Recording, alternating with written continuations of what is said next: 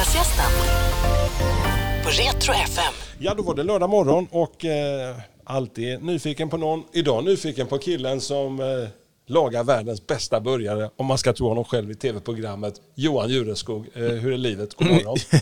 ja, det är superbra. Alltså, eh, grejen är ju den att Även fast programmet är... Ja, det, het, det hette ju Världens bästa burgare eh, och att jag sökte världens bästa burgare och eh, trodde att jag hade världens bästa burgare. Eh, och första säsongen så gick det ju verkligen eh, som eh, de säger i Top Gun, crash and burn. Jag kom inte ens till final. Så, så Nej, men man får vara lite ödmjukare. Det är många som gör bra, jättebra burgare, men eh, just att tv-programmet var jäkligt roligt att göra. Det var en fantastisk tid i mitt liv. Alltså det är fantastiskt. Mm. Från, från eh, kocklandslaget till hamburgare, liksom. är steget så långt Johan? Men steget var ju inte så långt. Eh, det är ju egentligen därför jag började göra burgare. För att, ja vad kan det ha varit? Jag var ganska mycket i New York då. Mitten på, äh, runt 2005. Mm så hade ju finkockarna hoppat ut i, i, eh, i, eh, i, i från finköken och verkligen eh, botanisera hur man gör en perfekt burgare. För att någonstans, eh, vi kockar har ju en kärlek till saker man äter med händerna och, mm. och det enkla. Eh, Eh, Eh, det finns inget godare än att, att eh, klämma, klämma en burgare emellanåt när man stått och lagat fin mat hela tiden. Liksom. Eh, och eh, där 2005 eh, på The Little Owl, eh, deras lunchburgare där, eh, så fick jag en sån här wow-upplevelse. Att hur kan det här vara så gott? Liksom ett nytt typ av bröd, eh, ny typ av färs eh, som jag inte hade provat innan. Eh, jag var helt kär. Jag beställde inte bara in en gång extra utan jag beställde in två gånger extra för att det var så himla gott. Liksom. Mm. Var började kärleken till mat? Farmor som är i himlen, eh, hon eh, har ju berättat att jag sprang ju hos henne på somrarna och eh, ryckte i kastruller redan som tidig ålder. Eh, från tidig ålder. Och, men jag var ganska knepig med maten när jag var liten. jag vill ha, mamma brukar säga, färdigtuggad mat.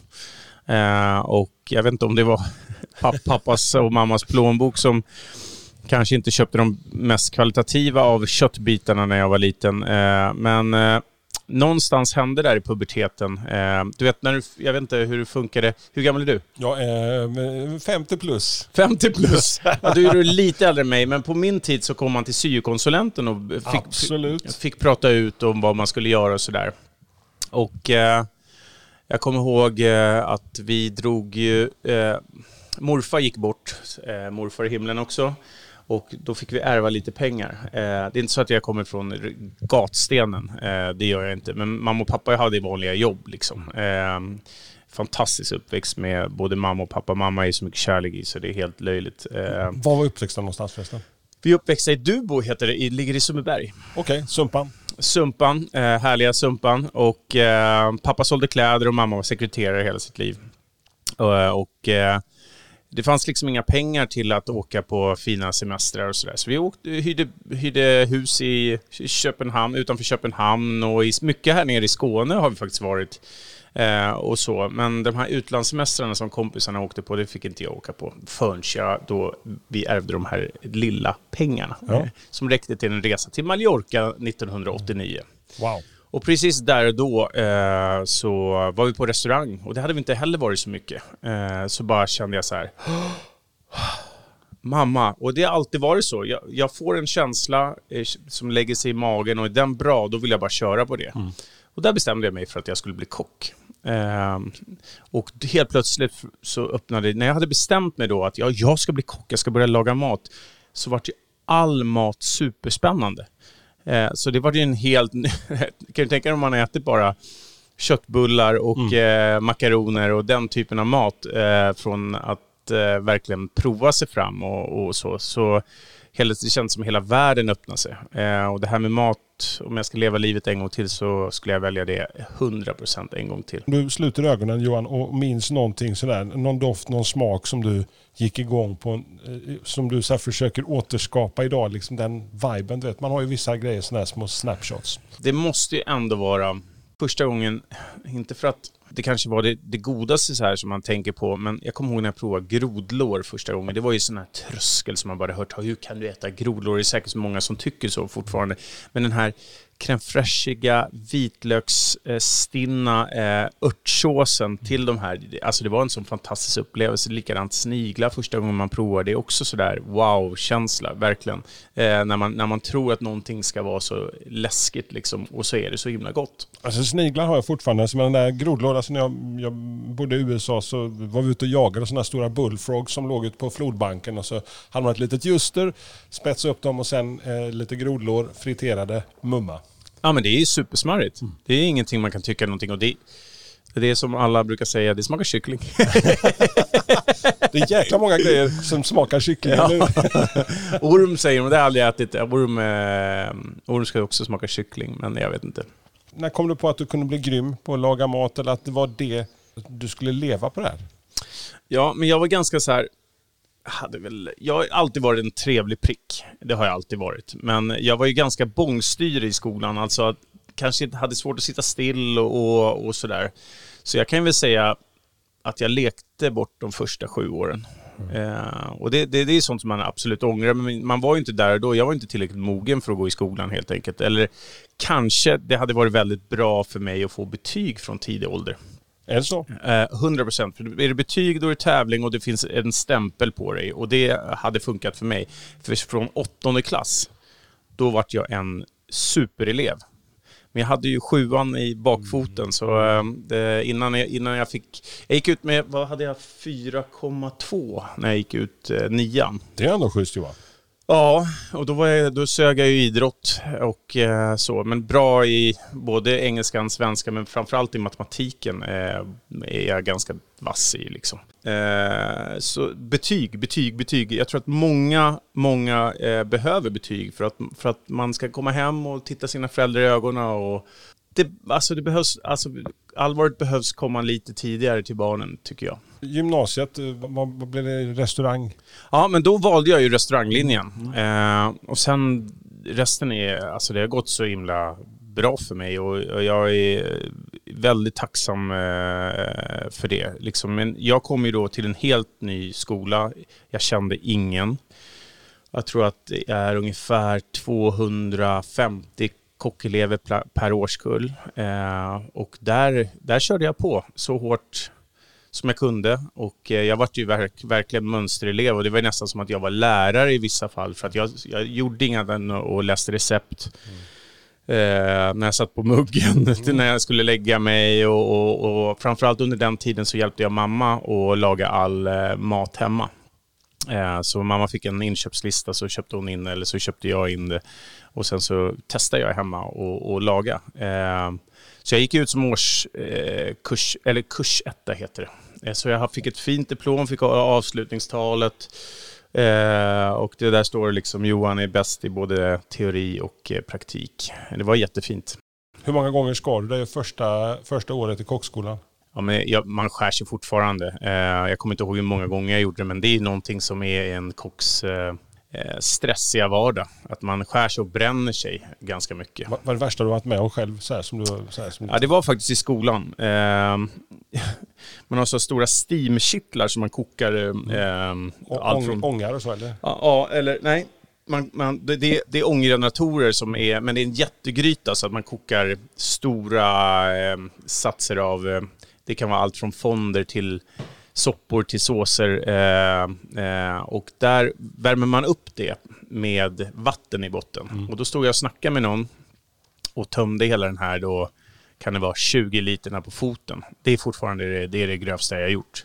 Eh, så ja, det, hela, hela, min, hela min fot var den enda stod blåsa under ett tillfälle där. Oh, uff. Söker ja, det, mig nästan när du berättar det. Ja, det, det gjorde ont. Det gjorde jäkligt ont. Bränna sig gör fruktansvärt ont. Det märkliga är just när man skär sig. Alltså jag, jag har ett sånt här minne. Det är, det är, den klassiska mandolinen. Man tänker att jag ska jobba på som satan. Jag tar bort den där lilla fingergrejen som man håller för att mm. hålla i den lilla grönsaken. Vänder mig om och tittar på klockan och säger hinner jag fixa middag nu till frugan kommer hem på fredag. Swish och där ligger det topp av en fingerblomma. Oj vad det kommer blod där. Och så sen, Klassiskt. Ja, uff, aj jäklar.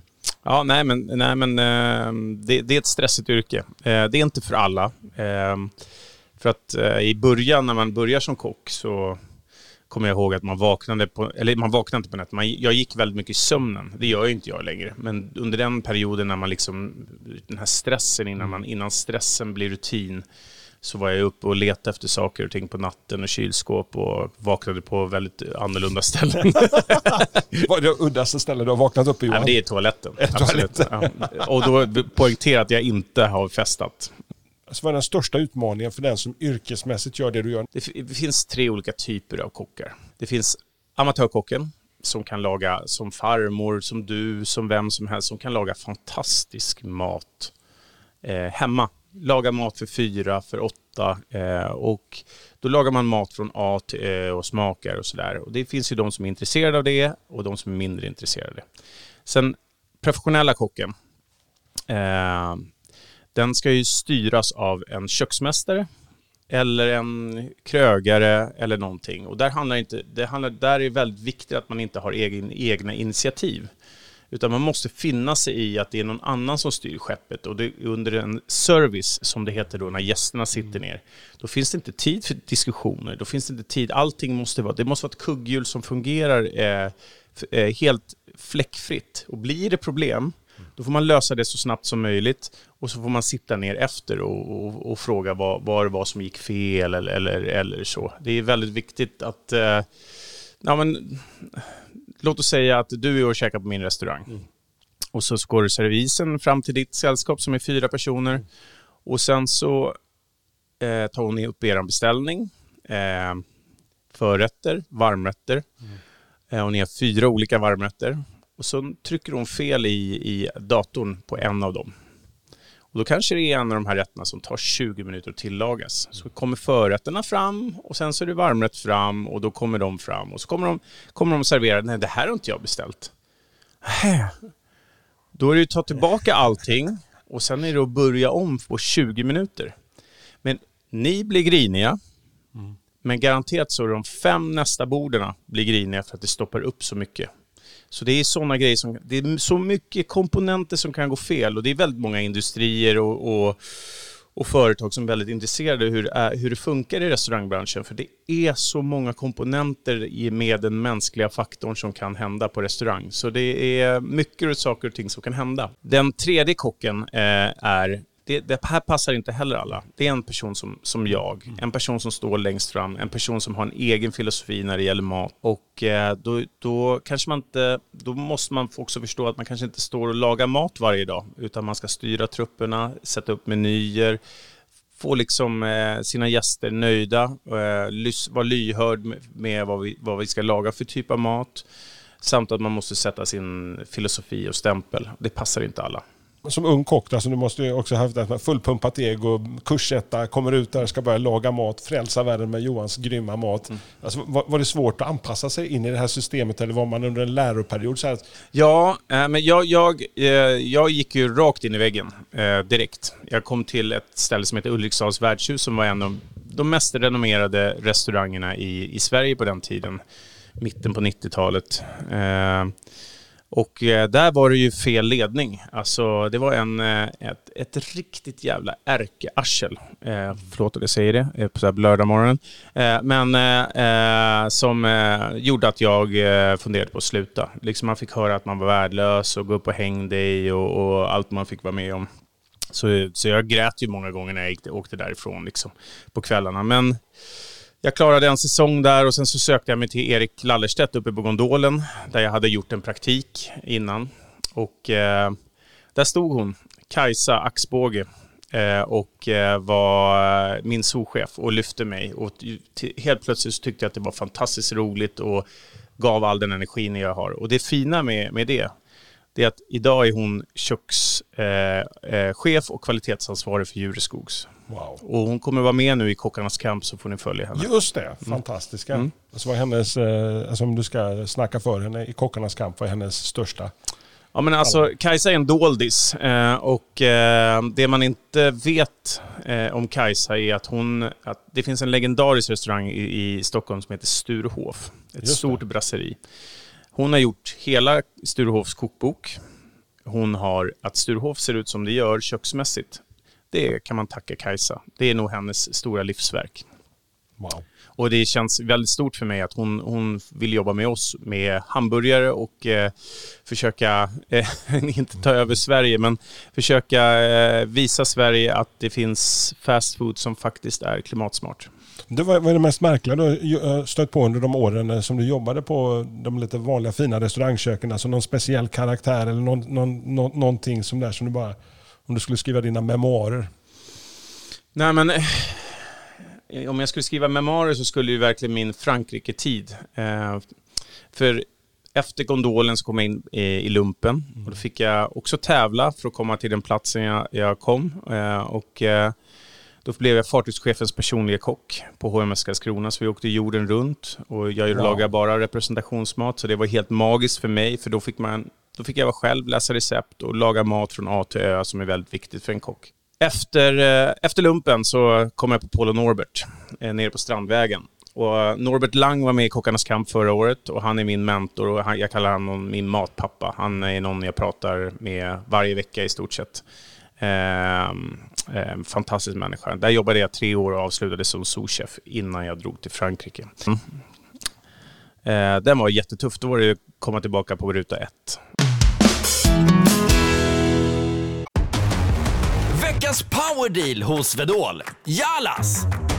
Rätt sko för rätt jobb. Alla fötter är olika och alla jobb kräver olika skydd. Jalas har skyddsskorna för dig och ditt jobb. Så den här veckan, välj skyddsskor från Jalas hos Vedol. För säkerhets skull! För säkerhets skull.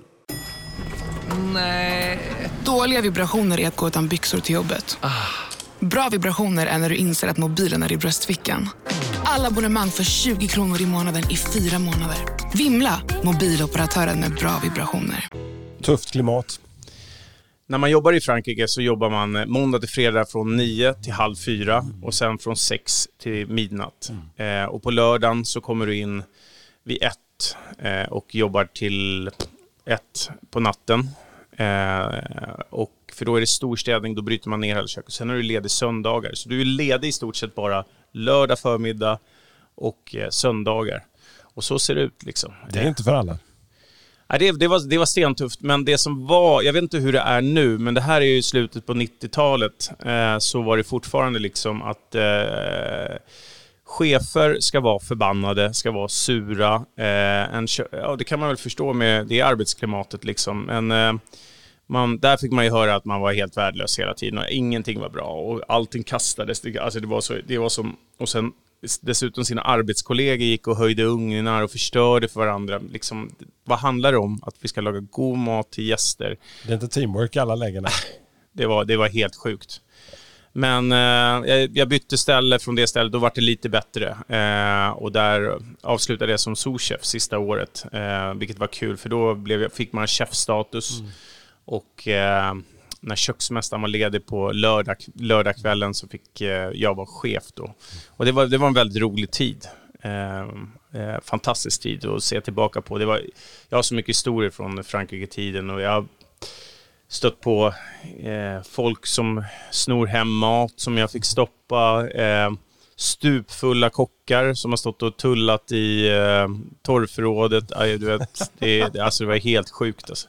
Vi lagar även mat åt eh, eh, furstendömet i Monaco. Kom in och käkade. Det tycker jag var häftigt. En rolig historia som jag kan berätta är att har ni, har ni sett har ni sett eh, en eh, 80-talsserie som heter Par hjärter? Ja, Och då finns det en donna där som, heter, som är gift med den här huvudpersonen som jag inte kommer ihåg vad han heter, men hon heter i alla fall Stephanie Powers. just det. Och då går jag ut och så säger, tittar jag i matsalen och säger, fan det är Stephanie Powers som är här. Fan coolt liksom. Hon var ju en sån här 80-tals liksom, legend och det där. Man kollade med farmor och farfar de här. Alltså, verkligen. Så gick jag till min patron, då, som man, man fick patron. Eh, eh, fick man ju säga till storchefen som äger krögaren. Liksom. Det, hon är en jättekänd amerikansk skådespelerska. Eh, eh, det, det måste du verkligen uppmärksamma. Ja, okej. Så efter dessert så, så, så tittar jag ut genom fönstret och sätt, sätter han sig ner med henne och håller om henne och så drar han fram en meny och så kommer en av servitörerna fram och ska ta fotografi. Då är det ju inte hon. ja, då var han så jävla sur så gick han upp och la sig, eh, kommer jag ihåg. Men han, det var riktigt pinsamt för mig. Då låg jag riktigt pyrt till kan jag säga. Det var så jävla Och pinsamt. sen bytte du till nästa ställe. Exakt. Eh, nej, men det var nej, många sådana där, ja, massa. Ja, det händer så mycket. Om du säger att alltså, eh, jag kan tänka mig så här väldigt hetsigt, eh, aggressiva. Man, jag har ju bara tittat in och gläntat på de så dokumentärer man har sett. Men det är ändå liksom eh, rätt så att det kan vara så att man kan skära ut en liten luft med spänning. Men jag har svårt att se dig. Att vara, den, vara den personen, alltså, den personen jag har sett i tv, den jag har sett på, eh, på kocktävlingar och liknande. Ja, men alltså är det tävling så är jag ju exakt, absolut en person och, och på TV så är man en person. Men jag är, eh, alltså jag, mitt mål i livet är att jag vill se alla människor. Eh, diskaren behöver en high five. Alla måste känna sig välkomna. Också för egoistiskt tänkande. För att trivs inte de på jobbet, då gör inte de ett bra jobb. Och då kostar det pengar för mig och så vidare. Men också som jag är. Och det jag tror jag har fått både från mamma och pappa. Pappa är mest, var, kanske inte idag, men han var världens mest sociala människa. Mamma med all hennes kärlek. Så är det väldigt viktigt att man ska ta hand om sina, sina nära och kära. Pass it forward, det är liksom min filosofi. Eh, var generös med dig själv. Det är väldigt, väldigt, väldigt, väldigt viktigt. Kocklandslaget, berätta. 01 till 08. Eh, det var en väldigt kul tid i mitt liv. Jag, eh, eh, Eh, man åkte ner, typ, det tar nästan en vecka i månaden att åka ner och laga upp allting och diskutera och, och träna då. Eh, och sen så var det en tävling eh, per år. Och vi placerade oss som bäst, vann vi kock-OS 2004. Det var ju helt magiskt. Det är, det är en av de stora ögonblicken i, i mitt liv när det liksom tusentals kockar står och, och applåderar och du får gå fram och tårarna rinner och, och eftersom jag är världens känsligaste människa, jag gråt, gråter lilla sjöjungfrun, det är och speciellt nu när jag fått lilla Greta, ja, då är det helt tvärkört. Men eh, eh, det, det, det var väldigt, väldigt fint och sen saknar man lite det där att att man är likasinnande, åker ner och diskuterar och lagar mat och tar ett glas vin tillsammans. Och, ja, det, det, det var väldigt, väldigt trevlig tid. Lite skönt tempo också, liksom inte behöva känna den restaurangköksstressen på samma sätt. Absolut. Och sen eh, diskutera vad, vad är bra mat? Och Hur ser bra mat ut? Och, och hur, vad smakar bra mat? Liksom? Är, är det inte så här, eh, när man är kock, eh, har man inte eh, omgivningen kanske känner sig lite så stressad över att bjuda en kock in på middag. Liksom blir kocken, jag vet jag har pratat med vänner som är kockar, att det är ett jätteproblem för jag och Paulina, och speciellt jag skulle jag väl säga, eh, förlåt kära Paulina, eh, eh, jag är extremt social eh, och gillar att vara med människor och ha människor omkring mig. Och, eh, det är inte många eh, helger vi har ute på landet i skärgården eh, där, vi, där vi är själva. Eh, jag ska bli bättre på det också. Men eh, problemet är, är väl lite att inte för att för det struntar jag i om jag blir bjuden tillbaka för att eh, jag bjuder. Det, det är inte det det handlar om. Utan det kan vara kul att någon annan lagar mat. Man får sätta sig till, till lagat, lagat, eller, till, sätta sig till lagad mat någon gång. Eh, att någon annan har lagat. Och jag är ju inte picky. Ge mig stuvade makaroner och, och hårt stekt falukorv och jag gråter. Liksom. Det är... ja, men vardagen är rätt så skojsig ibland faktiskt. Vad, vad sa du? Vardagen är rätt så skoj ibland så faktiskt. Alltså Ja. vardagsmaten också. Ja, ja, jag älskar vardagsmat. Eh, Jag älskar husmanskost. Eh, eh, det, det gör jag. Men problemet i mitt liv, och jag tror att Paulina och jag kommer att hänga livet ut för att det blir väldigt lite vardag hos oss. Är det så? Det blir väldigt lite vardag. Det är full fart hela tiden. Och det är allt, ingen vecka ser likadan ut. Och det är, det är rock'n'roll. Nu har de härliga småbarnsåren framför dig som en eh, smakportion. Har du börjat med den? Fixa, dona? Ehm, ja, det är fantastiskt. Eh, lilla Greta försökte vi få att hon skulle gå hela sommaren. Vi tränade och vi tränade och vi tränade. Hon gick inte. Sen var det första dagen på inskolningen. Så kom hon in och satt och sög på sin napp och tittade på omgivningen. Sen gick hon. Från den direkt, första dagen. Boom! Och på den, den utvecklingen eh, på förs som hon har varit nu på en månad, alltså det är helt sjukt. Det är en, det är en helt ny person. Eh, och uh, hon börjar digga pappa mer och mer för varje dag och jag lämnar henne varje dag. Det gör jag. Försöka... Eh, mitt, måndag till fredag är väldigt tufft. Eh, Men fredag kväll, lördag, söndag är heliga för familjen. Vi hoppar och eh, studsar mellan olika grejer i karriären. Just nu familjeliv. Men innan dess så var det lite tv-kändisen Johan Jureskog. Det var då jag blev så här riktigt bekant med dig och din energi som gick rakt genom tv-rutan. Världens bästa börjare. Berätta, hur, hur landade hela konceptet? Det blev ju två säsonger. Eh, självklart har man varit på Nyhetsmorgon och blivit tillfrågad eh, mycket för, för, många år sedan. Sådär. Eh, men sen var det förkväll som jag blev inkastad i. Eh, jag vet inte om du såg det.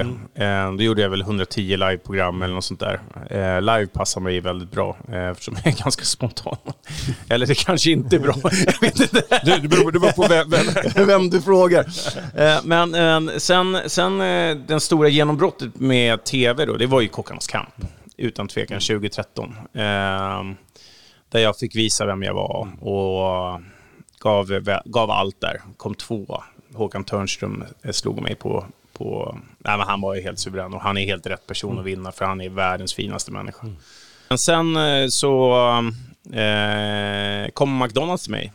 Eh, och det här är en lång historia, men jag ska försöka korta ner det. Men AG, jag var den första som gjorde gourmetburgaren på då fin krog. Mm. Eh, och eh, mycket för att, eh, som jag pratade om 2005, att kunna sitta och äta en hamburgare med händerna och dricka ett gott glas rödvin. Fantastiskt. Fantastiskt. Eh, och eh, mycket för att, har du varit på AG? Eh, nej. Nej, den ligger väldigt konstigt. Den ligger på Fridhemsplan, mm. andra våningen på en bakgata. Stans smutsigaste bakgata brukar jag säga. Och hur ska man locka folk dit utan att det är för dyrt? För kött är ganska dyrt. Ska du ha kvalitativt kött så är det dyrt. Och då var hamburgare ett väldigt bra instrument för det. Så där började vi 2011 med det. Ganska tätt inpå så, så blev jag kontaktad av McDonalds. Eh, och de frågade om jag ville vara med på någonting som heter My Burger. Och My Burger är, eh, eller var, eh, att man satt, fick massa ingredienser på nätet och sätta ihop dem och göra sin burgare av McDonalds ingredienser och namnge den och sen fick man komma eh, till en tävling. Mm. Och så satt jag som domare och dömde vilka, vilka burgare som skulle faktiskt få komma upp på McDonalds. Eh, det gjorde jag två säsonger och sen så blev jag Ah, det blev varit väldigt bromance mellan mig och marknadschefen, Jeff Jacket. En fantastisk kanadik. Eh, grym, grym människa. Och han frågade lite smått om jag skulle vara intresserad av ett djupare samarbete. Ja, så gick jag hem och funderade. Jag, jag har från mitt hjärta alltid gillat McDonalds. För du vet vad du får. Det är kvalitet. Vet man vad man får, mm. då är det kvalitet. Så eh, jag kom tillbaka med honom med att jag skulle vilja se hur det går till bakom kulisserna ordentligt innan jag bestämmer mig. Så jag har varit på både bageriet och tittat på ingredienser och jag har varit nere i styckeriet nere i Skara. Kan inte säga annat än, eh, jag jobbar inte med dem längre, jag har ett annat varumärke, men de är utan tvekan, och jag har jobbat med många matföretag, det proffsigaste jag någonsin har sett. Eh, de är superduktiga. Jobbar med detaljerna.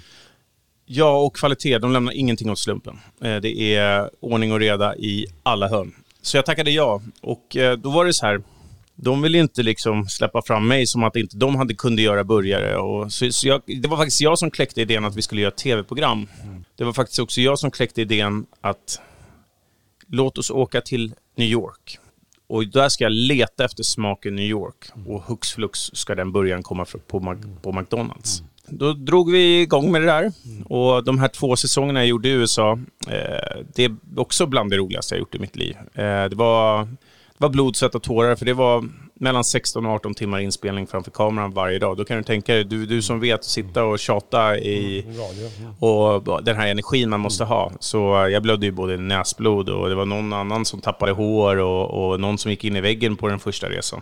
Hur många burgare åt du i snitt om dagen? Alltså jag såg ju dig och Frida i sista säsongen. Alltså det, det var ju inte några... Ja, vi låg mellan 60 och 70 på en sån här resa. Och det är ungefär 20 dagar. Så det, det, man åt ju inte upp allt heller, men, men eh, framförallt smaka och analysera och tycka. Och, ja, men det, det, det tog väldigt mycket tid. Och, så det var inte så att man kom hem och frossade i burgare direkt, det gjorde man inte. Men, men eh, jag är väldigt stolt över den här tiden, för den, eh, vi sålde, det är den bästa kampanjen de har gjort sedan de öppnade i Sverige. Och vi sålde 10,5 miljoner burgare i mitt namn.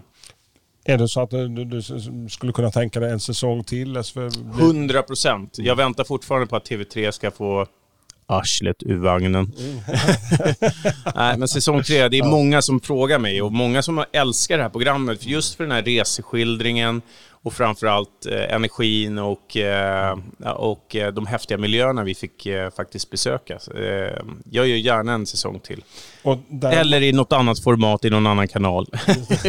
sa han, platsannonsen deluxe.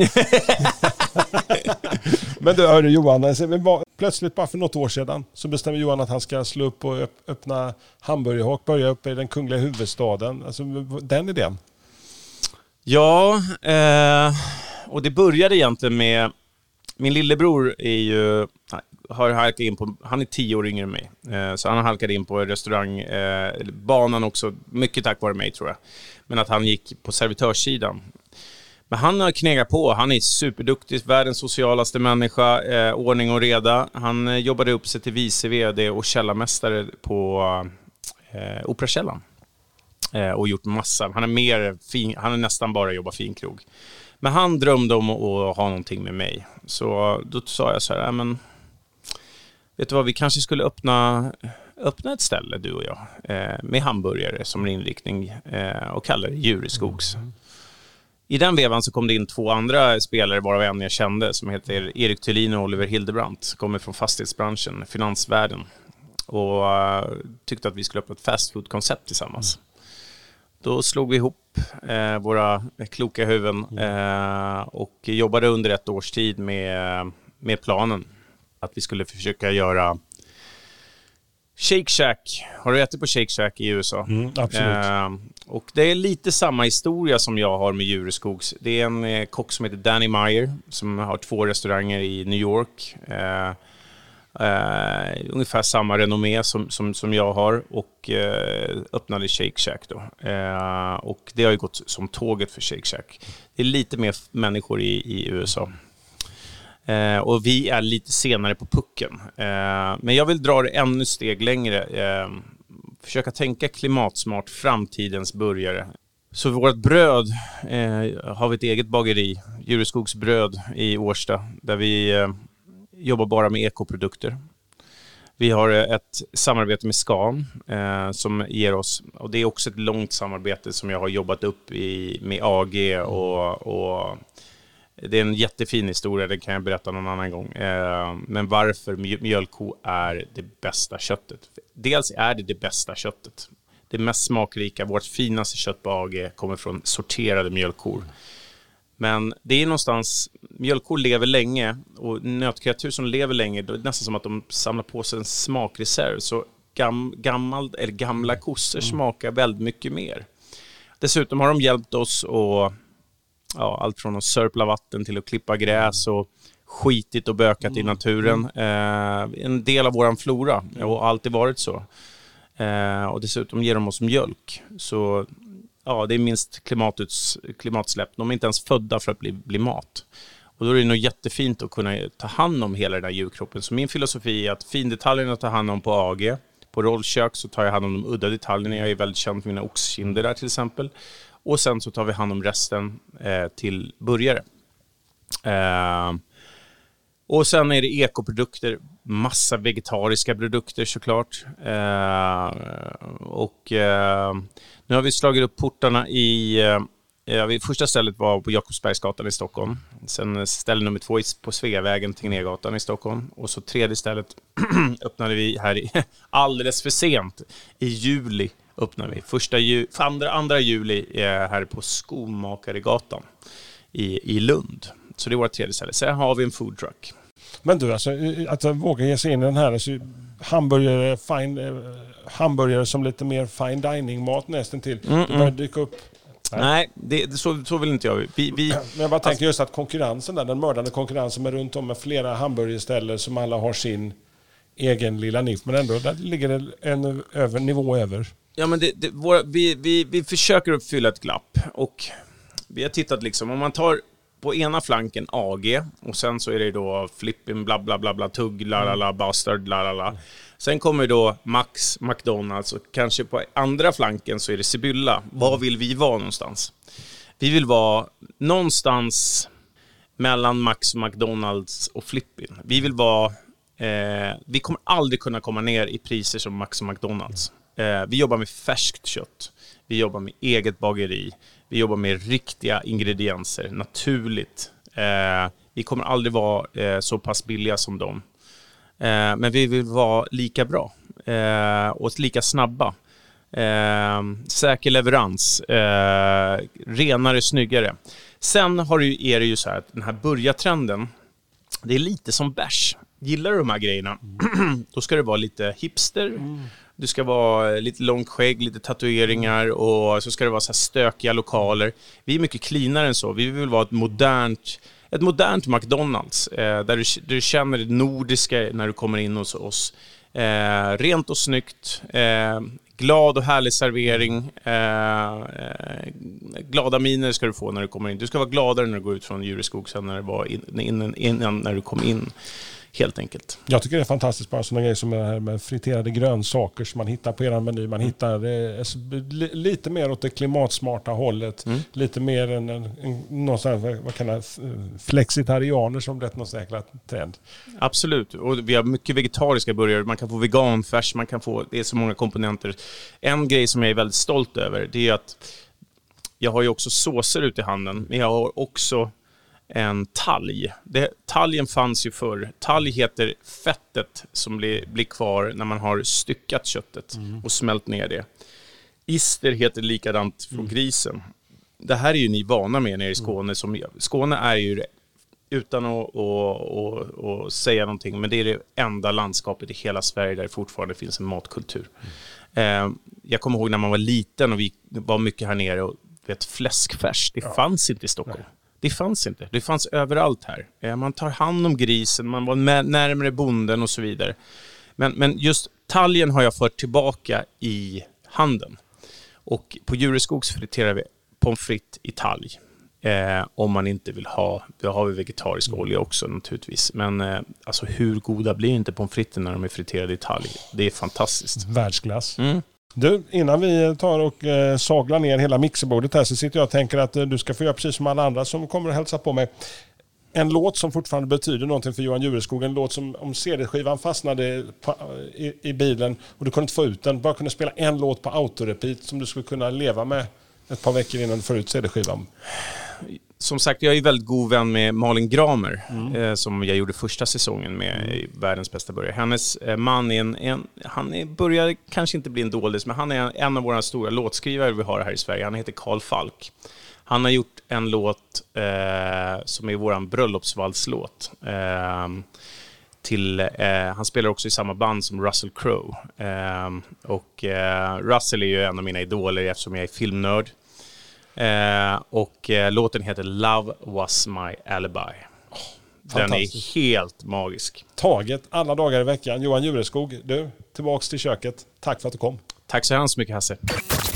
Lördagsgästen på Retro FM.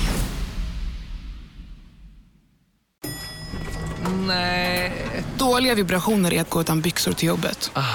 Bra vibrationer är när du inser att mobilen är i bröstfickan. Få bra vibrationer med Vimla. Mobiloperatören med Sveriges nöjdaste kunder enligt SKI.